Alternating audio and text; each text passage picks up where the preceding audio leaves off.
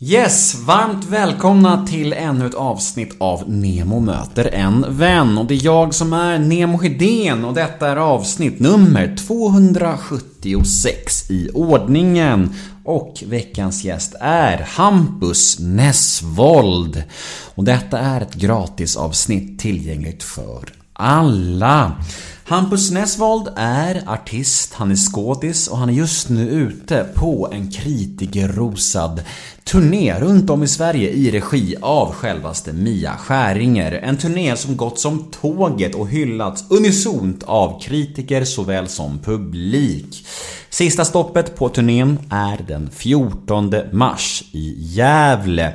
Och det är bara att googla efter biljetter om ni vill se Hampus live. Han pratar om mycket viktiga saker, om manlighet, om könsnormer och om genus och eh, han är en fantastisk människa och jag blev väldigt inspirerad av vårt samtal. Det kändes jävligt spännande och eh, jag lärde mig mycket och eh, ja, många bra grejer som jag kan ta med mig in i rollen som pappa kände jag och det kändes jävligt fint.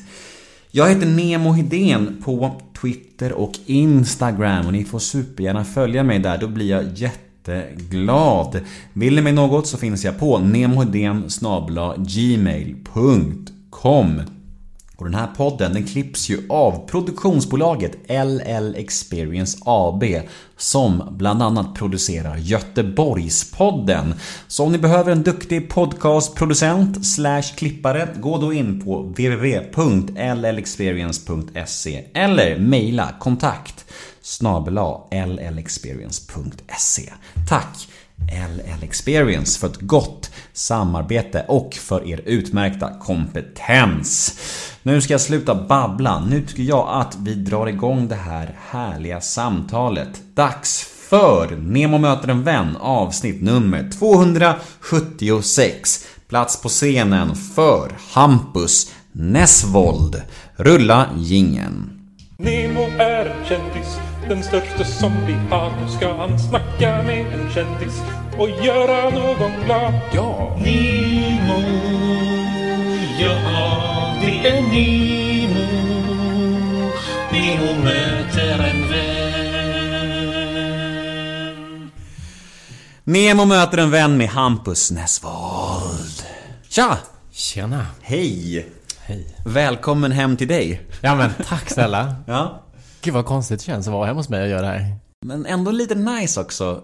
För mig personligen som, som gör det här ganska ofta, eh, alltså inte kom hem till dig då men, men, men att inte göra intervjuer så, Ja. så har jag märkt att det bästa för poddens kvalitet är att göra det hemma hos intervjuobjekten. Aha. För då, då känns de, för då blir de lite så avväpnade och nej, men de känner sig så lugna och trygga och hemma och så här. Alltså du brukar försöka komma hem till dem du ska intervjua. Jag försöker näsla mig in ja, på något så här osunt, onormalt sätt så här. Hur ser det ut hemma hos dig? Nej, så säger jag aldrig. Men, men det är faktiskt sant. Det brukar vara så att när jag är hemma hos folk så brukar folk känna sig, jag vet inte, lite trygga och lite avväpnade så här. Ja men det är det som är lite läskigt tänker jag. Och som känns konstigt. Att man liksom hoppar rakt in i någon slags kärna och skippar alla artigheterna på något vis. Det är ju nice. Då får man liksom möta oss här så får vi se hur vi bygger upp vårt, vår första kontakt med varandra lite grann. Spännande. Verkligen. Hur, hur är läget? Ja men det är bra. Jag, jag känner mig lite mitt uppe i allting här nu. Du fick stå och vänta i mitt trapphus två minuter för att jag höll på att duscha för att jag kom sent med ett tåg från Göteborg. Och det, det tycker jag är väldigt oartigt. Men så, så blev den här dagen. Och därför är jag lite såhär, vet, pulsen upp i halsen ungefär. Vad har du gjort i Götet? Jag har repat. Håller på att repa lite. Så att jag är mitt uppe i det också, liksom hjärnan på 14 ställen samtidigt. Men jag, jag tänker att det här ska bli jättemysigt att bara liksom få sitta ner och prata. Och att man inte har telefonen. Nej, det, det är bra. Det är en bra grej. Vissa människor som man har intervjuat har ju haft mobilen på. Det är ju halv-nice. Men det måste vara väldigt spännande, du som gör det här och du gör det här. Hur många gånger i veckan intervjuar du folk? Jag intervjuar när folk kan, men jag släpper avsnitt varje måndag. Men då kan du få en sån här liten liksom detox flera gånger i veckan egentligen. När du sitter och bara lyssnar, inte har mobilen och bara liksom har ett aktivt samtal. Det händer ju typ aldrig. Nej, det är magiskt. Och det är nästan då, alltså att försvinna bort i ett samtal, det är typ det bästa som finns. När man bara är där och då. Och jag har märkt också att de bästa poddarna som jag har gjort, det är poddar när jag inte kollar någonting på min dator. Jag bara är inne i samtalet. Och det tror jag hörs också på, på, på samtalet. Liksom, om, om det blir för manusdrivet eller om det liksom bara är där och då. Så vi hoppas att jag inte ska snegla Nej. någonting på min dator idag. Nu får jag prestationsångest så att jag måste underhålla dig så att du inte tittar på dataskärmen. Så varje gång jag kommer snegla ner så kommer du känna dig kass. Ja, ett litet underbetyg. Så kommer alla känna sig kassa här inne. men men eh, okej, Göteborg nyss. Vad, vad trivs du med det där livet då? Att flänga runt sådär? Ja, men jag tycker det, det är himla härligt att få göra det. På många sätt liksom. Nu har jag gjort, jag har varit på någon ständig turné, känns som i ett och ett halvt, två år nu. Där jag har haft det som en livsstil att liksom leva i en resväska. Och då är det inte lika kul som det var i början. Men jag är fortfarande väldigt, väldigt glad att jag kommer till nya platser och nya människor och liksom eh, inte har eh, rutiner. För att det blir jag väldigt lätt uttråkad av. Hur, hur, eller när sker den här övergången då? Från att wow, jag är på turné till, tills man är vid så här, ja men vad fan. Åh, ska jag iväg nu igen? hur många gig behöver man för att känna så? Ja, men jag tror att det kommer stegvis liksom. Jag tror att först är man liksom så jävla glad och bara turné. Och sen kommer någon så här liksom att någon vardag i det där ganska fort. Men man är fortfarande euforisk. Lite som att bli kär skulle jag säga. Att det liksom, det fortsätter pirra men det är inte så att man liksom varenda gång liksom bara Utan det bara är ett ständigt liksom en ständig känsla och sen så går det över till lite mer där man inte uppskattar det alls. Där det mer blir att liksom det är på något vis. Och där är jag väl nu, men där jag fortfarande liksom vet liksom när jag ställer mig utanför de gångerna och, och liksom tittar på mitt liv utifrån så tycker jag att det är fantastiskt. Och jätteglad för det här. Och vet att det liksom, jag skulle inte må liksom bra på ett annat sätt heller. Men, men det är också slitsamt. Kan du känna, efter gig, kan du känna en tomhet då? Eller känner du bara lycklig och uppfylld? Eller när du ska lägga dig på kvällen, svårt att komma ner i varv, eller hur? Ja men så kan det vara. Att man liksom har pumpat upp sig själv så jävligt att det liksom går inte att liksom lugna ner sig. Man somnar klockan två på nätterna liksom när man har haft en föreställning. Så är det absolut. Och det vet jag inte, det är jag väldigt nyfiken på. Det kan du svara på som intervjuat många skådespelare i den här podden antagligen. Om det liksom är när man har föreställning i ensemble också. Eller om det är när man står själv på scen. Jag tror att det gäller alla som gör saker på, på scen. Alltså, alla jag har intervjuat har typ samma problem. Svårt att komma ner i varv efter shower. Men det är också därför många blir alkisar, tänker jag. För att det är det bästa. Ja, men det är ju verkligen så. De här skådisgubbarna, de pratar om det. De kan liksom inte komma ner i varv om de inte häller i sig några... Det är jävla mörkt alltså. Men det är... Det är... Men så är ju inte min turné. Vi är mer så här festis och liksom gifflar typ i logen efteråt. Liksom inte så mycket fest Hur överhuvudtaget. kommer du ner i varv? Ja, gifflar. Ja men det funkar jättebra. Då blir man liksom så här trygg barndom, trygghet, bara tanka på på de där depåerna. Men, men jag har ju trott att det är att man står själv på scen och att den känslan blir man hög av om man, om man har det draget. Att man måste stå där uppe och liksom bli applåderad av liksom flera hundra människor. Att, att den känslan blir man helt bananas på, så är det svårt att komma ner i varv. Men om man är en ensemble och delar det utrymmet med alla så blir inte känslan lika hög och därför inte lika svårt att komma ner igen. Men det kanske är helt fel resonerat. Nej, vadå? Alla har väl sitt perspektiv på det tänker jag. Och det, det är din take. Så det finns nog inget rätt och fel tänker jag. Men, eh, men det är ju superintressant att höra från någon som Ja men som du säger själv, att du är helt själv och får ta emot eh, liksom, jubel från flera hundra kväll efter kväll. Då blir det så här. Vad gör det med ens ego? Vad gör det med en serie? Men det tänker jag oavsett vad man gör i just liksom offentlighet och strålkastarljus. Liksom, vad gör det egentligen? Med en? Alltså på något vis. För det, det har vi pratat om, jag och eh, min flickvän. Att för att hon jobbar liksom i vården. Och vi har liksom haft så här, ibland när vi har bråk så har hon kunnat ta till med den liksom linen. Hon tycker att jag är bortskämd eller liksom att inte någonting passar. Om vi är liksom på hotell eller någonting där man liksom eh, har lite kanske stigit sig åt huvudet så kan hon vara så liksom Lägg av nu liksom. Det är ingen som står mig applåderar mig efter att jag är på jobbet och liksom har stuckit någon eller liksom tagit någon i röven liksom. Skärp dig. Och den grejen liksom är så här sann för att hon tycker att jag ofta förväntar mig en applåd efter allting. Jag kom ut hit och liksom Nu har jag plockat ur diskmaskinen. Hon bara okej. Jag bara ja. Ja. Och så förväntar jag mig du vet en liten, litet beröm på det. Jag känner igen det där. Det är så Så jättekonstigt. jävla osympatiskt. Ja, eller hur? Att förtjäna sig saker tillbaka för att man gör någonting i hemmet liksom. Ja, och hon bara jag liksom har tvättat alla kläderna och typ dammsugat här och du har plockat in diskmaskinen och du ska få en applåd på det här liksom. Det är ju inte rimligt. Så då märker man att någonting har ändå hänt där, att man behöver liksom mer bekräftelse. Du, eh, min första fråga blev ju inte min första fråga nu egentligen. Men, men min första fråga i, i manuset Ja. löd så här. Vad tycker du om ditt namn? Ja Ja, men, ja, vad tycker jag om mitt namn? Nej, men jag trivs nog väldigt bra med mitt namn. Vad var det? Hampus Nessvold. Jag tror jag tyckte att det var krångligt när jag var mindre. Nessvold, är- det är ju norskt. Det, det är ju lite eh, speciellt i Sverige kanske. Det tyckte jag nog var lite konstigt. Jag önskade att det hette så här Hampus Johansson. Du vet, som man bara smälte in lite mer. Men det, nu har jag liksom börjat uppskatta det jättemycket. Faktiskt. Får jag vända på den frågan i och med att du heter Nemo? Ja, det får du gärna göra. Eh, Jag älskade mitt namn under lång tid. Eh, Sen kom det en jävla film som heter Hitta Nemo och förstörde mitt liv. nu mår du bra va? Fy fan. Är det sant? Ja, det var hur helt... förstörde det ditt liv? Nej, men jag kommer ihåg det så väl när den där filmen kom. Jag, jag satt i kassan på ICA då. Det var väl drygt eh, kanske 15 år sedan. Eh, ja, 12 år sedan kanske. Och, eh, och då kommer jag ihåg så väl att jag var så glad. Jag bara, varför gör de en film med mitt namn? För mitt namn var ju så extremt ovanligt. Ah. Alltså, det fanns sju stycken Nemo i Sverige när jag föddes. Sju stycken Oj. bara. Och efter den här filmen finns det så här, nu finns det 1500 typ. Alltså förstå, och alla jag möter på gatan, fortfarande än idag, alltså när jag hälsar på nya människor, folk säger "Ah, Hitta Nemo!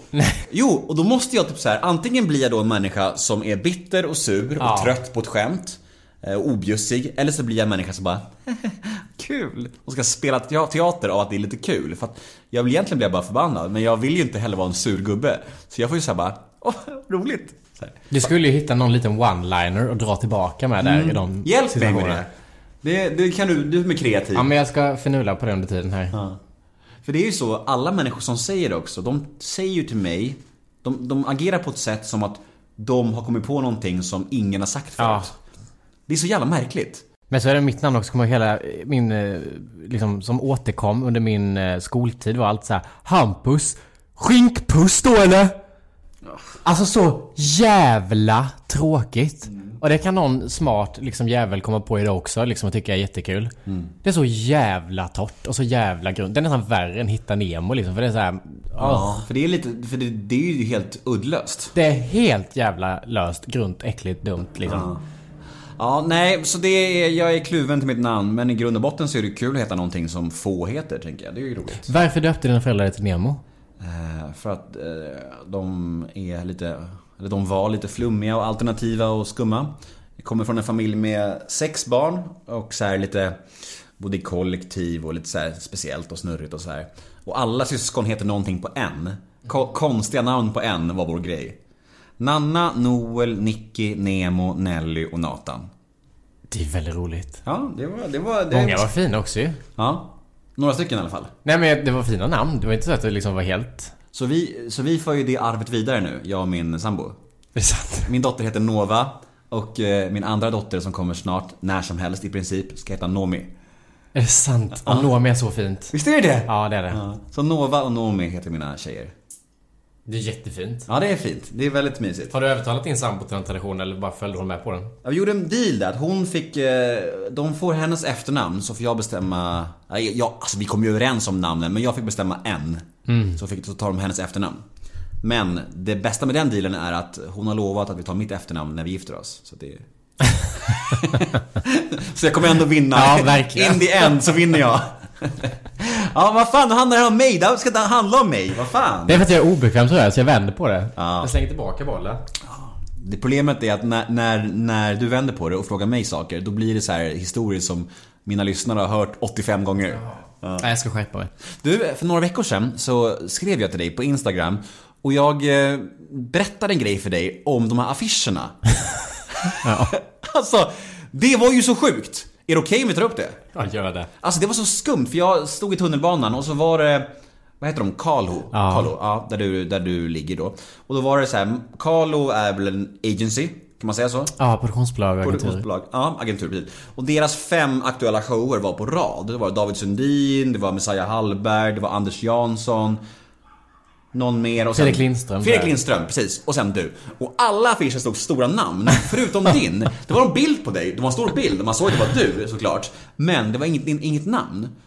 Och jag blev så jävla förvirrad. Jag bara, Va, vad är tanken där? Finns det någon tanke? Vet Hampus om det här? Så jag skrev till dig på Ja. Instagram och du visste inte om det här. Nej men jag visste nog inte ens om den där tunnelbane... Live-kampanjen ens. Hur fan kan du ha missat den? Den är ju överallt. Ja, jag vet. Men jag visste nog inte om att den skulle ske. Och eh, var inte alls med i svängarna när de tog fram någon slags liksom, bild till den. Nej. Och jag tror att de har tänkt för långt bara. Jag har inte frågat om det, men jag tror att de har tänkt så långt. Vi måste få med det här goa citatet från DN. Vi måste få med titeln. Vi måste få med det här. Och så föll bara namnet bort. Ja, det är ju knäppt alltså. Men du blev inte kränkt eller sårad? Nej, det är bara jättekul. Ja. Jag skrattade jättemycket när jag skrev det. Ja, jag blev så här orolig. Tänk om han blir jätteledsen nu och, och, och sårad. Och... Nej, det är så, jag känner igen mig i det där tankesättet själv. Att man liksom sitter med någonting och tänker så jävla mycket att allting måste gå så väl och så tappar man liksom det viktigaste. På något vis. Så det var ju bara jätteroligt. Det är ju fint sällskap du är ibland där. Ja, verkligen. Men det var väl uppmärksammat också. Det var ingen annan som skrev om den grejen. Nej, som det- skickade bild. Det var det ingen som skrev om namnet. Inte ens jag tänkte på det när jag såg bilden först. Det är det jag gör på dagarna. Går runt och funderar på sådana saker. Det är mitt liv ett nötskal. Ja, men det är bra förmåga ändå. Ja, verkligen. Du, ehm, fan, jag kommer ihåg att när jag hade livepodd en gång för drygt tre år sedan på Södra Teatern så hade du releasefest i samma hus. Är det sant? För din bok. På Södra Teatern då? Ja, exakt samtidigt. På stora scenen hade jag livepodd och du hade någon releasefest en trappa upp va? Ah, champagnebaren där ja. Exakt. Och jag kommer ihåg att vi, vi drog dit sen eh, efter livepodden, jag och några tittare slash lyssnare. Och, och, fast jag såg aldrig dig. Du hade kanske gått hem då? Vad var klockan? det var så sent. Nej, nej, nej, det var inte så sent. Men det var en del folk kvar. Jag tror jag träffade... Jag tror jag träffade några bekanta så här, halvkändisar i alla fall. Ah. Men dig såg jag inte ens. Vad konstigt, det här kanske jag redan hade flytt fältet. Men vad kul att vi var på samma ställe och hade... Ja, men jag tänkte ju fråga dig om du visste om det. Nej. Nej. Hade ingen aning. Men jag kommer inte ihåg så jävla. Det var ju 2017 då. Mm, precis. Det är ganska länge sedan, så jag har ingen, eh, inget minne av den kvällen överhuvudtaget av någon konstig anledning. Så att jag var säkert jättefull, hade stuckit iväg från min egen fest Jag när tänkte du kom det. dit. Jag tänkte det. Att när man har så releasefest, då är man så full så man går hem tidigast av alla. Ja, det kan vara, eller dragit vidare. Jag har för mig att jag gick vidare med ett gäng. Det är också så sjukt oartigt, bjuda in till fest och så drar man vidare med ett mindre gäng. Men man kanske blir så här lite självcentrerad och bara, äh, det är, väl- jag gör som jag vill ikväll typ. Ja, men jag tror att det kom så mycket folk dit som inte jag heller hade bjudit. Typ vi. Nej, men... Tack för passningen. Det var exakt så det var. Vi var, är vi bjudna här eller? Så här. Nej, vad hemskt. Jag hade tyvärr ingen e- egen sån här releasefest eller någon fest, efterfest efter min livepodd att gå på. Så jag bara, hmm, finns det några andra fester som vi kan bjud- bjuda in oss på här i närheten?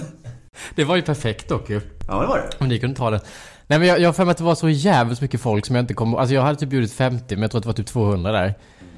Du kan jag minnas helt fel. Men det var så jävla mycket folk att jag liksom kände att nej men nu, nu förflyttar vi oss nog. Vidare här tror jag. Nu är det färdigt. Jag tror jag träffade Johanna där. Ja, Johanna var där. Ja. Men jag tror fan hon gick tidigare än mig. Aha. Ja, då kanske vi bara missar varandra. Ja, det måste vi gjort. Du kanske Var det mycket folk då när du kom? Eh, men det var ganska mycket folk. Alltså, halvmycket. Det var synd, då kunde jag erbjudit mina gäster också. Och vill ni se en liten föreställning kan ni gå ner på stora scen. Där har Nemo podd. Ja, precis. Ja, det var sån jävla freakshow den livepodden. Jag hade Puma Swede som en av gästerna. Ja. Det var, det var speciellt. Eh, men det är kul. Det är kul med live. Det, jag förstår att du gör det mer. Det är ju det roliga, roligaste som finns. Ja, du känner det också? Ja, fy fan. Det var därför jag frågade dig om det här med att komma ner i varv. För varje gång jag har haft livepodd så har jag varit så jävla uppe i varv och full av intryck och full av liksom dopaminpåslag att jag liksom inte kan sova sen. Jag ligger bara och, och hela kvällen går på loop liksom. För jag är så här. Dels att jag är så lycklig och, och, och full av energi men också så här. Jag kunde gjort så, det där, var, det där bra, dög det där och fan att jag sa så och är den gästen nöjd sådär. Ah. Men ja. Men känner du också, kan du liksom eh, utöver att överanalysera prestationen kan du också götta dig i att säga fy fan nu har jag gjort det här. Jävel vad bra det blev. Jävlar vad de liksom var nöjda publiken och var liksom... Mm, absolut, men så känner jag. Eh, Men det blir ju som en, en, en, miss, en, en match av liksom så här nöjdhet och liksom så ältande. Men du, eh, nu ska vi fan inte snacka mer om mig. Nu ska vi snacka om dig och du är från Värnamo. Mm. Du såg att jag sneglade på dator- datorn nu. Ja. Jag visste faktiskt det i huvudet också. Eh, Men vi brukar ha ett sånt upplägg i den här podden. Varför säger jag vi? Jag är väldigt ensam med det här. Jag och mina producenter och mina... Mitt team. Mitt Vad team. roligt. Åh, jag har inget team. Jag är så ensam. Det är kul om du har haft den illusionen då, alltså bygga upp det för lyssnarna. Att vi är ju en redaktion här på 12 personer som sitter och jobbar. Det roliga är att mina, mina, mina huvudkonkurrenter har ju exakt så. Alltså... Men inte mi- 12 pers. Ja men typ såhär Framgångspodden och Värvet som är mina main konkurrenter. De har ju så här världens team med producenter och klippare och folk bakom som bokar och så här. Jag är helt ensam. Jag har en klippare som hjälper mig att klippa men, men allt annat är själv. Men tycker man inte om det då? Och veta det som lyssnar att så här, här sitter en person som gör det här själv med hjärta och själ. Träffar människor, åker hem till dem. Tycker man inte att det är jävligt skärmigt och liksom intimt? Jag hoppas det. Jag hoppas att det liksom har varit det som har gjort att det har blivit, bra och stort också. Ja. Att, att ju, ju mer och ju proffsigare och större det blir desto mer försvinner jag av det intima och personliga och fina liksom. Tror Verkligen. jag.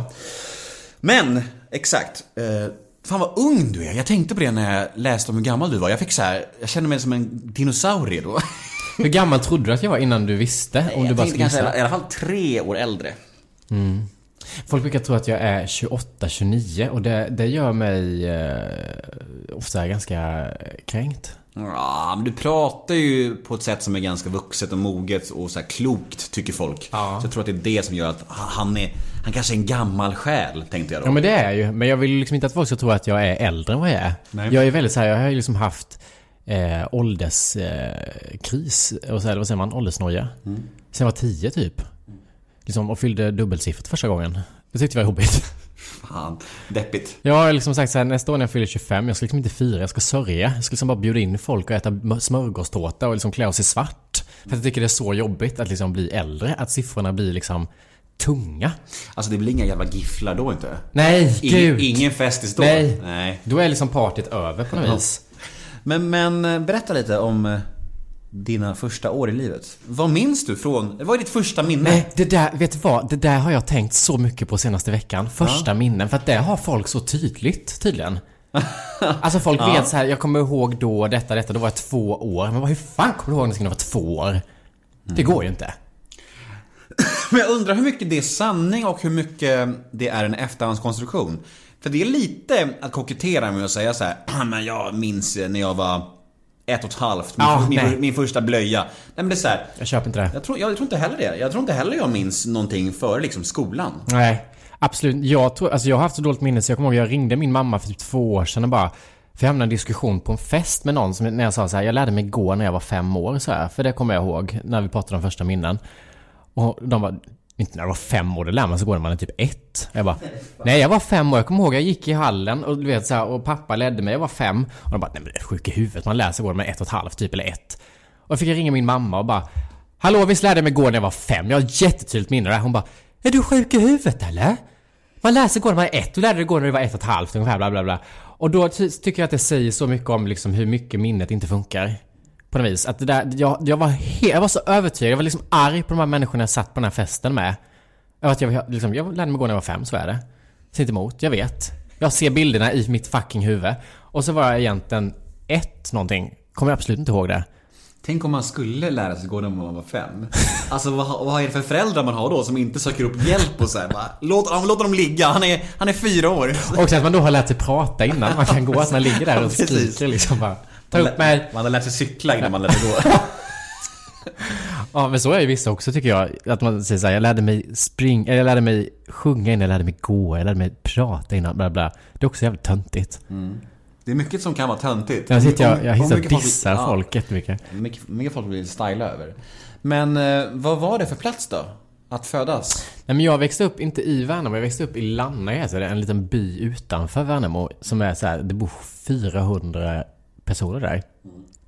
Det är så lite folk så att jag tror inte man, alltså det liksom är mer människor och handlar på ICA Maxi i Stockholm samtidigt. Än vad som bor i den lilla byn.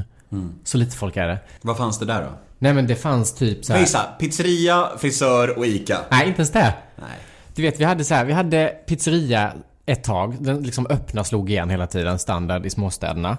Sen hade vi en skola upp till tredje klass. Ettan till trean liksom, det var det jag kunde erbjuda. Typ, jag kommer ihåg att min lillebror gick nog fan, det var nog två pers i hans klass, eller tre pers. Det är inte så jättekul. Året under var det en kille som gick själv. Nej. Fy fan. Nej, det är så deppigt. Då blir det som en personlig assistent typ, man får, Ja, det istället för så. lärare. Det är så jävla deppigt. Alla, kommer ihåg, satt i samma sal liksom. Så här 15 elever och så var det typ nästan fler lärare än elever på det stället. Eh, så det hade vi och så hade vi en lampaffär. Där man kunde köpa glödlampor och servetter och liksom jättemärkliga grejer. Labbaffär? Ja. Vad fan är det? Nej, visst är det märkligt? Av allt man kan ha i en liten småstad så lampaffär, det prioriterar vi. Det är så konstigt. Ja, märkligt. Men där växte jag liksom upp mitt i det. Eh, hade ingen butik liksom eller någonting. Det lå- alltså, låter som jag är så gammal återigen. Jag pratar nu. Men eh, så det, är ett väldigt, det var väldigt speciellt att liksom växa upp i ett så extremt litet samhälle där alla känner alla. Alla vet vilka alla är. Alla har någon koppling på något vis. De flesta var också släkt. på något konstigt sätt. Det var jättemärkligt. Mm. tror jag mycket av det jag pratar om idag och vad jag står för och gör började säkert där. Att det, det fanns inte mycket plats att ta. Eller liksom vara på något annat sätt eller gå sin egen väg eller någonting. Utan det var mest att bara så här ställa sig in på något vis. Tror jag. Så det fanns en längtan tidigt att, att bara sticka? Ja men det gjorde, jag tror det, den, den längtan växte fram men det fanns nog ganska tidigt en sån här tanke med att så här Fan jag, jag passar inte här. Det här, det här är inte rätt. Du vet jag hade aldrig några så kompisar riktigt som jag kände att jag klickade med. Alla killarna de gillade gamea, det var liksom fotboll, det var så här stereotypa liksom ung kille-intressen de hade. Leka krig också vet ett tag så här. Och jag försökte så jävla mycket tycka att det var stimulerande att vifta med pinnar på rasten och leka krig eller liksom titta i fotbollsböcker. Men det gick liksom aldrig. Så att jag tror att när man umgås med folk som man inte klickar med överhuvudtaget eller har något gemensamt med, men man umgås ändå i brist på andra, så blir man väldigt ensam. Ehm, och det har jag nog varit fram till att liksom jag började gymnasiet typ. Att jag inte känt att jag haft ett sammanhang. För att det varit svårt i den lilla, lilla staden. På något vis. Det är inte ens en stad, det är en by. Hur var det, hur var det hemma? Nej men det har alltid varit jättetryggt. Ja. Nästan för tryggt kan jag tänka ibland. Att det liksom växa upp med en mamma och en pappa som fortfarande är liksom är gifta, en, en lillebror. Alltså det är liksom en väldigt, eh, väldigt trygg och liksom säker uppväxt som är skyddad från väldigt mycket. Och det var ju liksom inte där min liksom... Oavsett hur tryggt man har det hemma så var det fortfarande att man kände som ett freak där ute på något vis. I skolan eller liksom när man var med människor eller att man aldrig passade in. Så att jag tror att... ehm, ja, exakt. Sen har jag flyttat liksom vidare till, till Värnamo då som du sa. Det har också varit, och det har också varit en, en stad för sig liksom. Men det är först nu jag känner att jag är synk med allting. Med vad jag gör, vem jag är, vilka jag umgås med, vart jag bor. Och det är mäktigt om man ska liksom tala om någonting som är mäktigt med att eh, vara 23 och inte bara ångest. Så är det ju jävligt skönt när man känner det i livet. För det tror jag jävligt få gör. Eller gör sent liksom. Att man så här känner att alla bitarna på något sätt funkar. Sen är det alltid något som skaver. Man har ångest, man mår dåligt, man liksom känner att ah, det har tagit vatten över huvudet eller det här önskar jag hade varit på ett annat sätt. Men att man liksom ändå är på en plats där man kan vara sann mot insidan och med människor man älskar och eh, känner sig trygg med. Det är så jävla värt. Ja, Det är häftigt att ha nått dit vid så tidig ålder. Alltså jag tror att som, som du säger så tror jag att många har ett jävla problem med allt det där mellan liksom 20 och 30. Min mamma sa det till mig, hon bara De värsta åren i livet är mellan 20 och 30 för de är så jävla vilse. Så efter 30 blir man liksom mer jordad i vad man vill och vad man ska och vem man är och sådär. Och jag kan typ känna igen det. För det var liksom Det var typ när jag fyllde 30 som jag kände mig så här, men började känna mig lite trygg och så här, liksom vem jag är och vad jag vill i livet liksom. Eh, men att du har nått dit vid så tidig ålder, det tyder ju på att du är precis det vi sa förut. Jo men jag, jag skulle inte säga att jag har nått dit, men jag är på en plats där jag, där jag får vara... Jag är sann mot insidan. Jag kan liksom tvivla högt. Tidigare har jag tvivlat i huvudet som man gör. Man går och tänker liksom och vet inte och söker rasen. sig. Nu, nu är jag liksom på plats där jag kan söka, tvivla högt och med andra människor som är likasinnade. Och jag är inte alls på en plats jag egentligen vill vara. om Man tänker karriärsmässigt eller man tänker liksom eh, personlighetsmässigt så är det jättemycket jag liksom behöver jobba med och sådär som jag längtar efter. Eller liksom jag har en ängslighet jag inte vill ha i mig liksom, eller erkänna att jag har. Som jag längtar bort till, eller som jag tror är precis det du pratar om när man fyller 30 eller liksom kommer förbi den här åldern jag är nu som infinner sig då. Men jag är fortfarande på en plats nu som jag är väldigt, väldigt glad för att jag har hittat till. Och man, man tar ju de där småkliven hela tiden. Men jag kan typ, på ett sätt är jag livrädd för att bli äldre och på ett sätt kan jag längta efter precis det där. Att 30, nästan 40. För att alla jag känner som är 40, 45, Fan vad de mår gött. Fan vad de är trygga, nöjda, liksom eh, tillfreds. Eh, inte kan relatera till alla överanalyserade tankar eller liksom den här ängsligheten utan bara är helt cool. Och fy fan vad man bara längtar till det. De har liksom valt livet på något vis. Eller fattat livet. Löst den gåtan.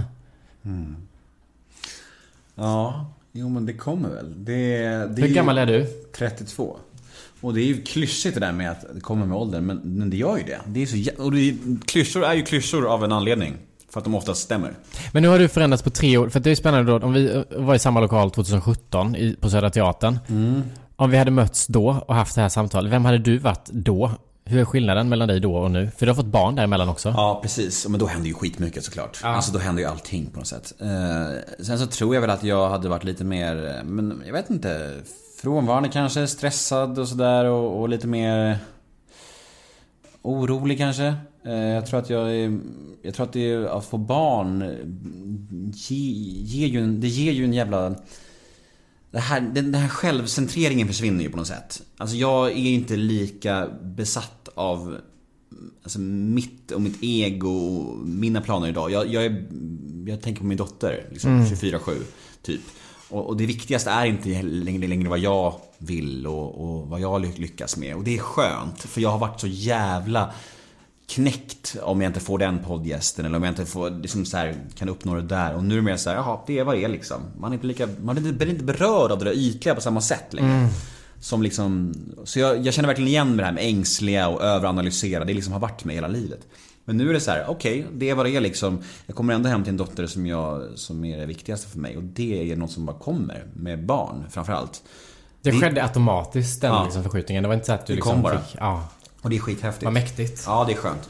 Och det är faktiskt, jag tror, jag tror att just så här, för oss människor som är lite så här, men egomänniskor eller uppe i sitt huvud mycket så här, så är det liksom man ska inte använda barn till att slippa det, men det är en bra medicin mot det. Det är verkligen det. Eh, Jag vet inte hur det låter, men... men Nej men jag tror dig. Jag tror dig jättemycket. Men eh, jag, jag tror att jag försökte göra någon variant på det för ett par år sedan. Jag skaffade hund. Men det var inte alls samma impact. Nej, jag förstår. Ja, men det kanske, det kanske inte funkar med hund. Det kanske måste vara barn. Mm, jag tror det för att hund kan du inte känna samma gränslösa. Eller kanske vissa kan, men jag kunde inte det. Och hund kan också, kan också vara så att du... Om det kommer någon dag där du känner så här, fan jag pallar inte ha hund, bort med den. Exakt. Det kan du inte göra med ett barn. Hur jobbigt det än är en dag så kan du inte bara säga så här: nej jag vill inte vara förälder idag. För du måste ta igenom den dagen också. Ja. Och sen är dagen efter magisk igen liksom. Så det är ju konstant det där liksom. Och så och ont. måste det också vara någonting i att så här, när man precis får barn så måste det vara lika läskigt som det också är mäktigt att så här, du måste hålla liv i den här ungen. Mm. Jag alltså, trodde, jag trodde du skulle säga såhär, det måste vara lika läskigt som, som att få en hund. Nej, Jag bara, det är exakt lika läskigt. helt liksom frånvänd. Nej men det är klart det är asläskigt, vad fan, det är det ultimata ansvaret och, och fan det är, ju- det är ju asskönt att slippa ansvar och plikter och sådär bara åh hej hå, det är bara mig och mitt liv jag tänker på. Sen har man ett litet knyte som man ska ta hand om liksom. Så, så så framförallt om man kanske inte har haft den bästa uppväxten själv, då ska man skapa egna mallar och egna bra föräldraskap. Det är ju inte lätt liksom. Men det är ju också någonting som man växer så jävla mycket med. Det är det. Ja men jag, det är det jag undrar, jag undrar om det är det som de här 40-45-åringarna som jag pratar om. Jag undrar om det är att de har fått barn. Eller att de har kommit upp i den åldern, kanske både och. Men det finns något jävulst gött över dem som är liksom sådär avspänt. Som jag kan längta till. Att inte allting är på liv och död. För att nu kan jag titta tillbaka på typ, ja men Eh, de som är 18 eller liksom min lillebrors ålder som ska ta studenten. Då tycker man att allting som sker då, liksom de livsvalen är liksom de viktigaste när jag väljer mitt liv, hur det ska bli för resten av livet, vilken yrkesbana jag liksom gör och allting. Och då tyckte man när man skulle välja gymnasieval också, att man säger fan vilken linje jag väljer nu, det är så jävla viktigt. Och när man nu tittar tillbaka på det så är man säger det är så jävla oviktigt, det spelar fan ingen roll. Mm. Och så känner jag nog att jag fortfarande är det jag är idag. Att jag tänker att allting är på liv och död. Händer inte detta, då, då förlorar jag allt detta. Då kommer detta gå åt helvete. Då försvinner, alltså... Liksom hetsig på det här viset liksom. Och väldigt liksom onödigt liksom... Eh, hispig på något vis. Eh, som jag tror att om bara några år tittar man tillbaka och bara varför var man inte bara lite lugn? Varför njöt man inte mer? Varför kunde man inte bara liksom luta sig tillbaka och bara vara i det där? Och se att det här är en box av livet. Sen finns det de här också som man kan titta i och liksom vara i på något vis. Mm. Det är med stor glädje och stolthet som jag kan meddela att veckans poddavsnitt görs i samarbete med Mendley och eh, varför är jag då så glad över detta? Jo, för att Mendley brinner för exakt samma saker som jag gör och det är att söka hjälp om man mår dåligt. Det är inget fel med att sträcka ut en hand om man känner sig lite vissen, orolig eller bara fylls av negativa känslor. Och det här är något som jag har känt mycket tidigare i livet. Jag kände en skam för att höra av mig till andra människor när jag mådde dåligt. Jag tyckte väl det kanske inte var deras sak. Jag ville liksom klara mig själv. Och det gällde många år. Från jag var 18 år tills jag var 25 egentligen så brottades jag med mina egna demoner hela tiden och jag vände mig aldrig utåt. Men jag lärde mig ganska snabbt att det är ju ingen styrka och det är ju inte rätt väg att hantera sånt. Det var först när jag vågade vända mig utåt som jag verkligen kunde börja växa på insidan och eh, Mendly är ett företag som erbjuder kostnadsfri chattterapi med legitimerade psykologer. Det betyder att du är igång samma dag som du skaffar appen och väl där inne kan du skicka text, röst och videomeddelanden till en terapeut som du själv väljer ut. Och terapeuten svarar varje vardag. Ja, ni hör ju själva, det här är riktigt, riktigt bra grejer. Och framförallt viktiga grejer. Så jag är väldigt glad att jag får göra det här ihop med er, Manly. Tack till er! Men vill du ha barn? Ja, men det är ingenting jag längtar efter. Nej. Nej, det är väl rimligt. Du är ju ung. Det kanske kommer en längtan om 5-6 år. Ja, men jag tror det. Jag kan se förändring i mina vänner som är runt 30 som tidigare säger jag skulle aldrig vilja ha barn, fy fan. Och sen träffar de någon liksom som eh, i den åldern får dem att bara så här, "Ah, alltså nu pratar vi om barn, det känns så rätt, det känns så bra, nu håller vi på. Alltså, och det tror jag, när tiden är rätt liksom så... Så absolut. Men nu hade jag inte liksom, nu har jag så mycket annat jag längtar efter och så länge jag längtar efter så mycket själv så känns det så, då känns det inte rätt att skaffa barn. Nej. Det är nog för ego för det. Fair enough. Eh, men okej, vi är väl någonstans i dina tidiga tonår nu. Och eh, hur är det i skolan? Ja, men jag är nog jä- jävligt stökig i skolan. Ja. Alltså jävligt stökig. Vet jag den här, den här killen som kan sitta liksom längst bak på lektionen och sulla suddgum i bakhuvudet på folk. Käftar med varenda lärare, blir utslängd från lektioner. Men var kommer det här ifrån då? Det här stökiga? Jag vet. Så gör ju inte trygga barn. Jag vet. Men jag tror att det var ett sätt att, jag, när jag gick i liksom lågstadiet och sådär, då var jag väldigt mycket med tjejerna och väldigt lugn i mitt eget hörn och liksom läste, målade, alltså de där typerna av liksom aktiviteter där man bara är stillsam. Sen tror jag att när man kom upp i, eh, kom upp i åldern, blev tvåsiffrigt, tio år, så flyttade vi till en annan skola med lite liksom fler människor och då var det svårt att behålla mig själv, tror jag. Så då började jag liksom ställa mig in lite mer i stöket. För att jag märkte att annars blir man ju ut, utanför här. Utstött och det kommer skava. Så att då började jag liksom stämma in i den bråkkören och eh, tog väl lite... Ja, första stafettpinnen på något vis och sprang. Och sen bara fick det vara så ett ganska bra tag. Och var jättestökig. Eh, hade också så här, väl, ändå så här mån om att göra bra ifrån mig i skolan. Jag fick liksom ihop det där ändå. För att de flesta var ju så stökiga att det påverkade. Det finns ju statistiker som visar också att killarna presterar sämre i skolan. För att de inte liksom tillåter sig att vara fokuserade och kan vara det på samma sätt för att stöket stör väl. Eh, Men jag var väldigt mån om att säga, jag liksom är skitstökig och bråkig men jag ska fortfarande ha MVG och VG. Det är ju en jävligt märklig kombo alltså. Jag vet. Det jag stökar på skolan och sen plugga som ett as hemma. Och vara vän med alla lärare. Jag var så jävla bra kompis med alla lärare. Ja. Kunde liksom sitta i, i gymnasiet, kunde jag sitta i liksom personalrummet ibland och käka lunch. med lärarna. Jag tror aldrig jag har hört den kombinationen. Asstökig och sen. A-student. Ögontjänare kallas Ja. det tror jag. Men gick du i gymnasiet i Värnamo? Nej, Jönköping. Jönköping. Då hade du alltså lämnat byn. Ja. När lämnade du byn? Nej men det här är ju sån... eh, det här är intressant för någon. Men jo, men jag flyttade från Lanna, eh, den här lilla byn, när jag var typ 14. Flyttade till Värnamo. Eh, Gick eh, högstadiet utanför Värnamo och sen flyttade jag... Eller flyttade, jag bodde i Värnamo och så gick jag gymnasiet i Jönköping. Okej. Det är väl 10 mil däremellan typ. Så pendlade upp Och eh, när lämnade du Jönköping för Stockholm då? direkt efter studenten för fem år sedan. Ja. Och då känner du bara att nu ska jag, nu ska jag göra stan. Jag är Ja. ämnad för någonting större. Ja, jag kände nu jävlar åker vi. Och det hade jag längtat efter. Jag kommer ihåg jag var tio år första gången så jag skulle flytta till Stockholm. Jag har haft en sån riktigt romantiserad bild av Stockholm och livet här och liksom människor som lever här och liksom då var det nog ganska ytlig, vet, jag springer med en kaffe latte på stan typ och en telefon i örat. Tyckte att det var skithärligt, någon sån här stressad upptagen livsstil. Och sen när man kom hit så tyckte man inte att det var det som var så jävla charmigt men det fanns mycket annat. Vad gjorde du när du kom hit då? Vad var det första du gjorde? Nej men första halvåret var total... Eh, det var hemskt. Då flyttade jag ihop med min bästa kompis William i en lägenhet i Nacka. Eh, och så försökte jag liksom hitta sätt att försörja mig på. För jag hade, vi hade den här lägenheten men jag hade inget jobb.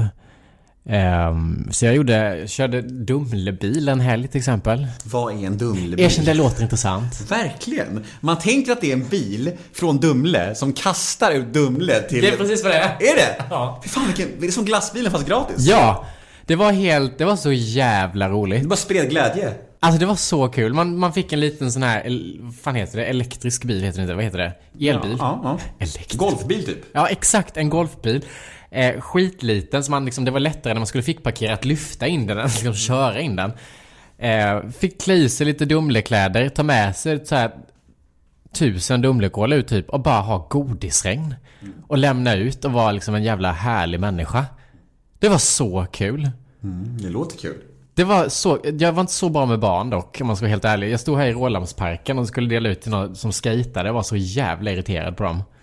Eh, för att folk roffar åt sig så blir man sån här pedagog istället för liksom en härlig kompis.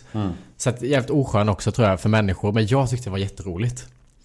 Eh, så att det gjorde jag bland annat och så liksom hasslade jag runt med på olika produktionsbolag, hade massa möten och sådär och ehm, Sen samma liksom, höst där så hade jag sån jävla tur att jag fick in ett program på UR som jag hade skrivit en programidé för både radio och eh, TV och ehm, jag och eh, William och Linda, mina kompisar, fick in ett eh, humorprogram på P3.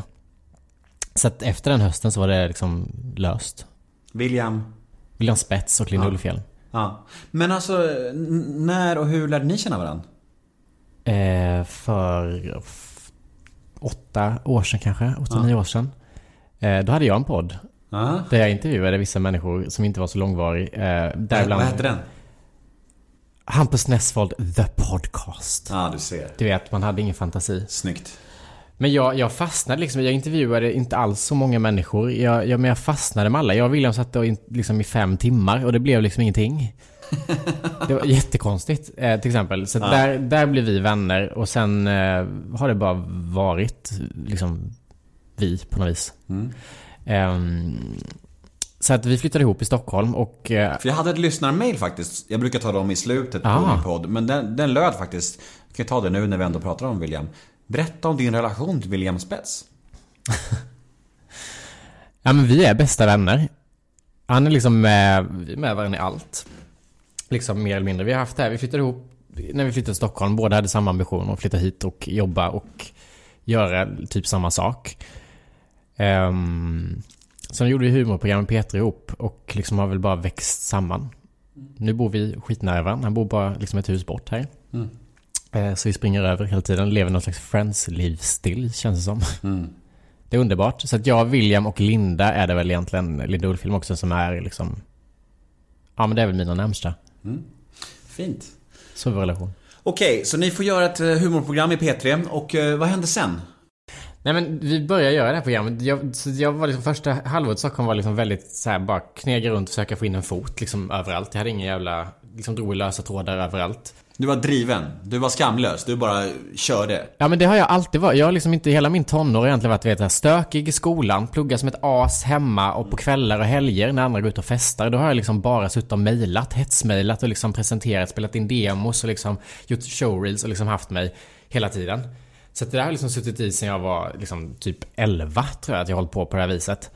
Um, så att när jag kom hit så blev det än mer för då var jag på plats. Det behövde inte vara liksom att man åker upp till Stockholm. Jag är då uppe 30 oktober en dag och ska försöka pressa in möten och träffa folk. Utan då var jag här hela tiden och var tillgänglig. Så jag bara köttade ju på.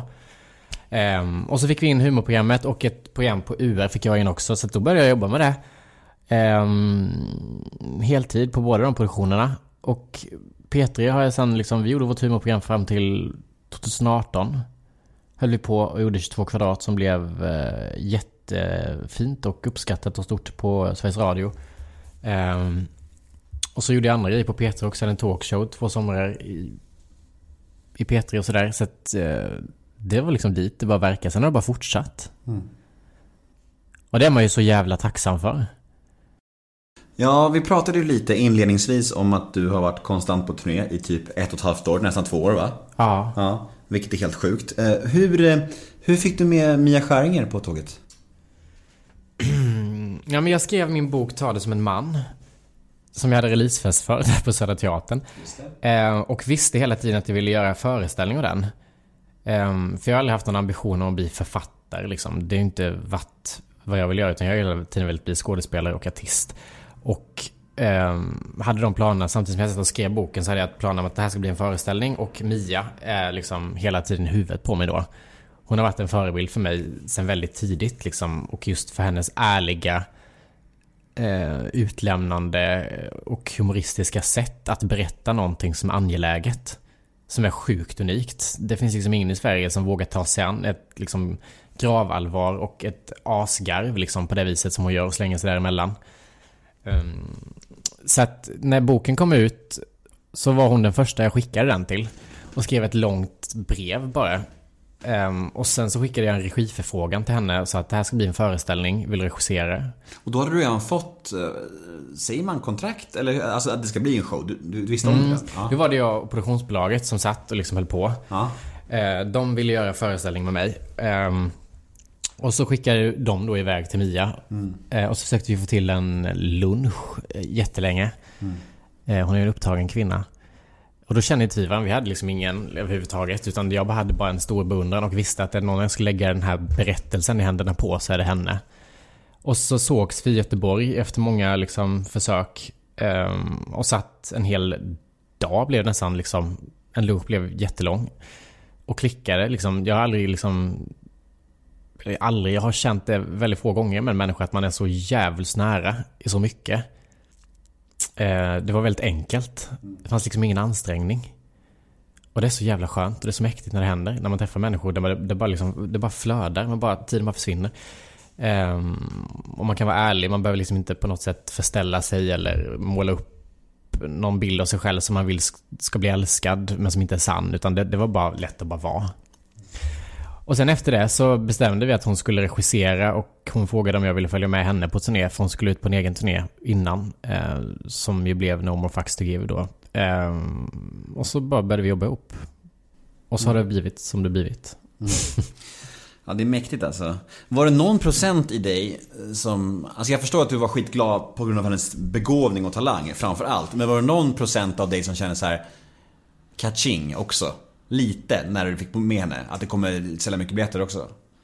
Nej, jag tror den delen hade jag nog inte tänkt alls på. Det kanske produktionsbolaget i och för sig. Det tror jag de tänkte en del på att så här, fan det är nog viktigt för att då hade jag liksom inte gjort det. Jag hade gjort humorprogram med P3 och en grej på UR typ. Eh, det var inte så att jag hade en jättestor publik. Eh, och liksom blivit en sån här P3-profil på något vis. Hade det blivit. Så det var inte så att vi hade kunnat göra en jättestor turné på bara det. Eh, men vi har fortfarande gjort en turné. Men jag tror att de kände så här, fan vi behöver nog få med något som kan dra lite i, liksom, eller få media kanske att, att få det här synas lite mer. För det Mia tar i eh, syns ju liksom. Hon har ju ett intresse kring sig.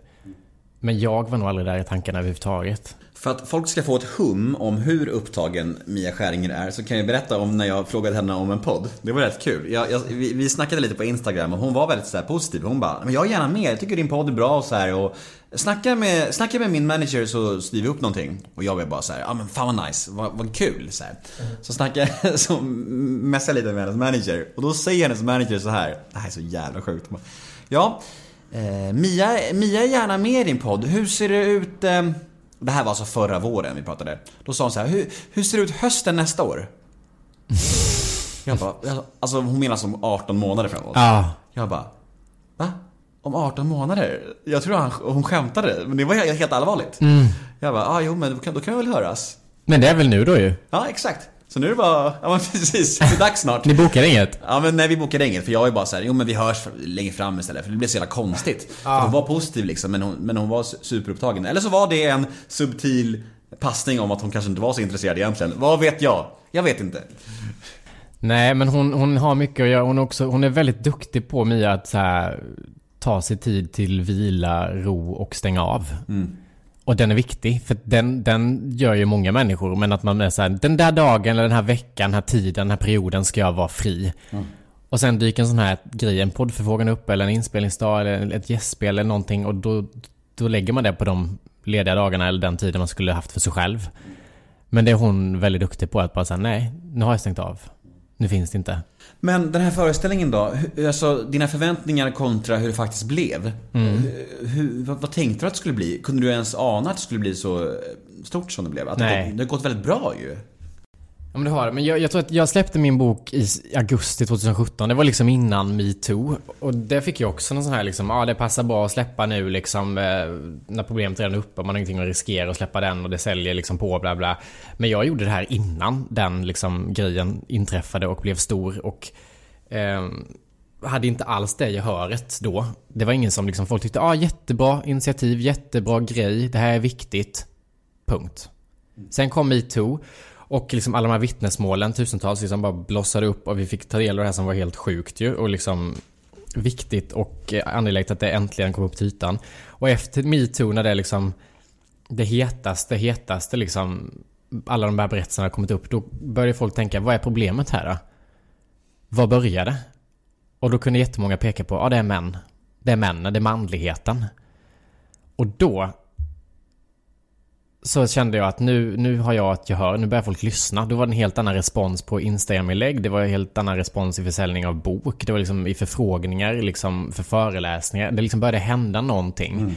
Ehm, och ett tag senare släppte vi biljetterna, så då tror jag att jag hade en förväntning att så här, fan jag kanske kan jag kanske i alla fall kan sälja slut Göteborg, tänkte jag typ i mitt huvud. Premiären kanske ändå kan liksom funka.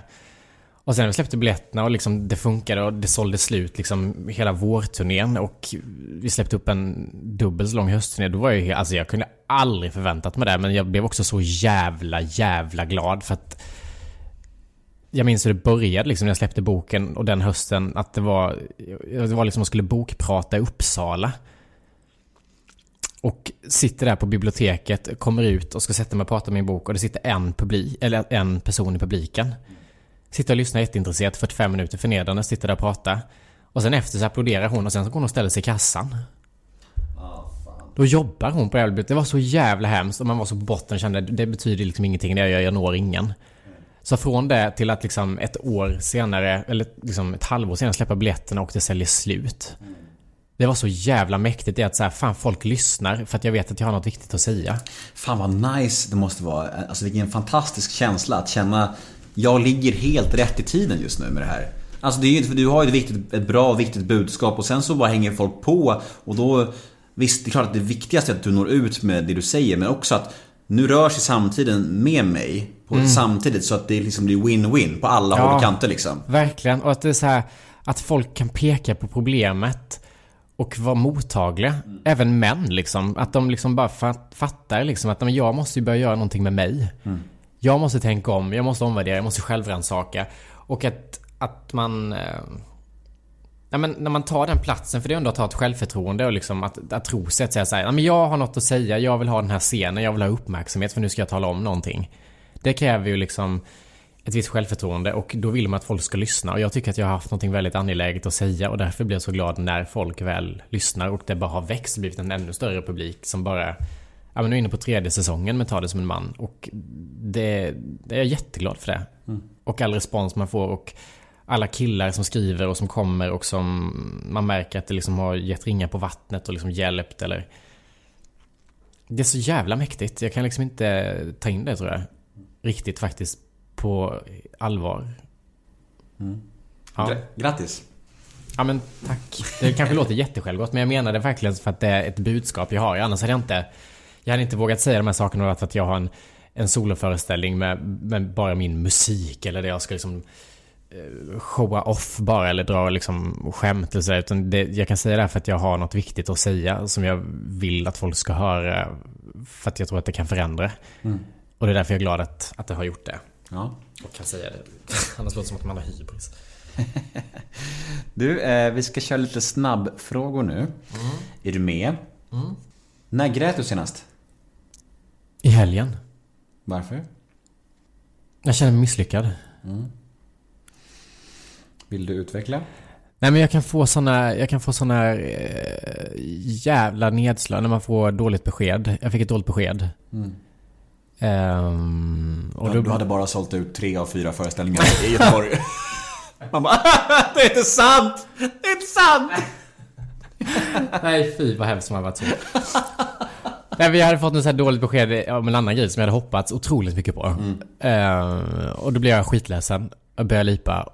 Eh, och sen uh, ställde jag mig upp och började springa igen. Rekommendera en TV-serie. The Morning Show har jag sett precis. har du sett den? Jennifer Aniston, Ja. Reese Witherspoon. Ja. Mm, jag har inte sett den. Och Jennifer Aniston är så jävla kul att se henne i en så allvarlig roll.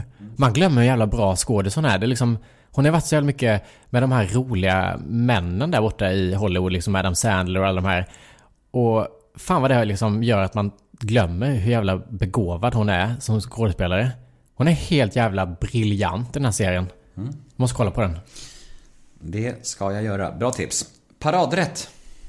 Oh, jag har börjat göra en... Eh, eh, vad fan heter det? Så här fläskfilégrej med samba sås Har jag börjat göra jättemycket. Eh, äter inte så mycket kött annars, men det här är liksom verkligen så här för att jag är så glad att jag kan göra den. Så jag gör den hela tiden nu. Väldigt kul att du måste lägga till. Jag vet. äter inte så mycket som kött annars. För det roliga är att det- du är ju en sån person som man ändå tänker ska vara vegan. Är det så? Ja, du har en vegan-aura. Men jag tror att, det, för det där har jag hört innan att jag har en jättevegan-aura, så Södermalm-aura och allt det här. Men jag, jag är ju väldigt mycket småstadspöjk på det här viset. Alltså kött och potatis och liksom allt det där. Det är så kul att du måste ticka upp och du kommer på det så snabbt. Hur låter det här då? Fläskfilé? Tipsa säkert om det. Jag minns att jag säger jag gör det väldigt ofta. Det låter som att jag gör det sju gånger i veckan. Klipp, klipp, klipp! Bipa det fort som fan! Ja, nästa. Vad missbrukar du? Nässpray. Minne du helst vill förtränga. Mm, vad spännande fråga. Har du något så här så du bara vrider sig i magen när du tänker på? Något gammalt? Nej, jag har nog fan inte det. För jag har nog förträngt det. Spännande fråga, sämre svar. Eller hur? Vad kommer du aldrig förstå dig på att andra människor tycker om? Semlor. Vilken egenskap hos dig själv föraktar du mest? Stoltheten. Vad lägger du mest pengar på? Inredning. Vad tror du andra tänker på när de tänker på dig? Både som offentlig person och dina kompisar. Offentlig person. Vegan tydligen. Det är det enda folk tänker på. Vegan-aura! Ah, det är vegan. Ja. Och kom- Eh. kompisar då? Vad de tänker när de tänker på mig. Att jag är en lyssnare tror jag. Fin. Jag är liksom den som mina vänner ringer och dumpar av all sin skit på. Som bara sitter och bara tar emot. Favoritfilm? Nej men det har jag fan ingen. Nej. Har du en favorit? Den frågan är jobbig. Den är jättesvår. Eh, Det där varierar ju från dag till dag. Men ska man välja en, alltså det är helt omöjligt. Det finns ju... Alltså kanske finns 50 man vill nämna. Eh, Men vad fan, en. Om man ska nämna en då. Alltså... Om man kan säga en som är just nu. Ja. Dagsfärskt, då säger jag A Marriage Story på Netflix. Som jag såg förra veckan. Har du sett den? Nej, men jag har hört mycket gott om den. Ja, du måste kolla på den också. Ja. Vad fan ska jag säga då? Eh, Walk the line säger jag. Har inte jag. jag sett. Skämtar du med Nej, jag har inte gjort det. Jag skäms. Jag ska göra det. Ja. Men det känns som att det måste vara så nyckeln till frihet typ. Eller Ja, Forrest den, Gump. den, säger den frågan. flest. Det är det är ju den Det klassiska. är så jävla klyschigt. Det är Ja, men det får man inte tycker det. säga. Men jag lovar att se Marriage Story så får du se Walk the line. Absolut. Det är ju filmen om, om Johnny Cash liv, du vet Mm. vad? Ja. Med Reese, Reese, Witherspoon, Reese, Reese Witherspoon och Joaquin Phoenix. Roligt att du ska förklara det med. Ja men jag visste inte, vet inte om du vet det? Nej, men det var bra att du sa. Jag ska, jag ska kolla upp den. Fan, ta din jävla fläskfilé och dra över dig. Vad oroar du dig mest för? Min framtid. Vad har du orimligt gott självförtroende inom? Mitt yrke. Vilken fråga borde strykas ur alla intervjuer? Berätta om din barndom. Kändiscrush. Eva Dahlgren. Ständigt. Och sen har vi tre tuffa, så här avslutningsvis. Legalisera marijuana, ja eller nej? Nej. Vad röstar du på? Sist röstade jag på eh, vänstern i eh, regeringsvalet, tror jag. Mm, jag med. Och på Miljöpartiet tror jag i eh, EU-valet. Förbjuda tiggeriet, ja eller nej? Nej. Nej. Bra. Och avslutningsvis så har vi några lyssnarmail. Ja. Mail nummer ett betade vi av i början. Det handlade om William Spets. Så mail nummer två lyder så här. Hej Hampus! Varför gjorde du en sån radikal förändring med ditt hår? Vad var tanken bakom det? Var det självklart? Och blev du nöjd? Den ärliga och lite trista sanningen är att mitt hår, jag hade så här blont, liksom långt hår innan. Och, Lejon! ja, verkligen. Och det var svinkul första månaden. När man hade gjort den där blekningen en gång. Då var mitt hår så fint. Jag kan sakna det så mycket. Men sen när man hade gjort det fyra, fem gånger så blev det liksom, det blev så slitet så att det till slut blev en kemisk klippning. Att det bara gick av, mer eller mindre. Och så försökte jag rädda upp det med att färga en annan färg och liksom hålla på. Men det gick liksom inte så jag var bara tvungen att klippa av. Nu är jag jättenöjd för att jag, jag är inte en person som förtjänar långt hår för att jag kan inte ta hand om det. Det är så mycket ansvar. Mail nummer tre. Hej Hampus, är du bisexuell? Har du haft någon kille? Nej, det har jag inte. Jag säger, jag, jag skulle, jag säger att jag är heterosexuell, men jag har väldigt mycket tankar om sexualitet. Jag har utforskat den väldigt mycket i tonåren och liksom kommit fram till att jag är heterosexuell tror jag. Men jag gillar inte att säga att jag är heterosexuell heller. Nej, det är inte alls samklang med dig. Nej men... Nej, Du ska vara bi och vegan, och vegan! Vad fan är det frågan om? Mina vänner driver ju så mycket med att det är den bilden folk har av mig och att det inte är, att det är så långt från. Du är avslöjad nu, det är inte alls så du är. Men, men jag tror att så här, jag, jag har väldigt mycket, som sagt, jag har utforskat sexualitet. Det är inte så att jag har, liksom har bestämt mig för att jag är hetero liksom och aldrig utforskat. Utan jag har faktiskt testat. Eh, men jag har inte... Jag har liksom eh, nu igen börjat tvivla på att så här, fan, är det, är det, ska man säga att man är hetero? Ja, det känns jävla omodernt på något sätt. Jag vet, jag vill inte, jag vill inte tro att någon människa helt är det. Alltså att man bara är så svart eller vit. Nej. Så jag är nog inte färdig med dem. Nu är det väldigt nära, men jag är nog inte färdig med de här tankarna liksom. Och du kanske borde utforska lite mer. Jag kanske borde det. Men, eller så är det bara att jag tycker att det är så jävla tråkigt att jag är hetero. Ja. Alltså när du säger att du har utforskat en hel del så blir man ju nyfiken. Nej men det är inte så att jag har liksom legat runt massa med olika eh, liksom, kön och saker. Utan det är bara liksom min egen sexualitet i tonåren som man gör.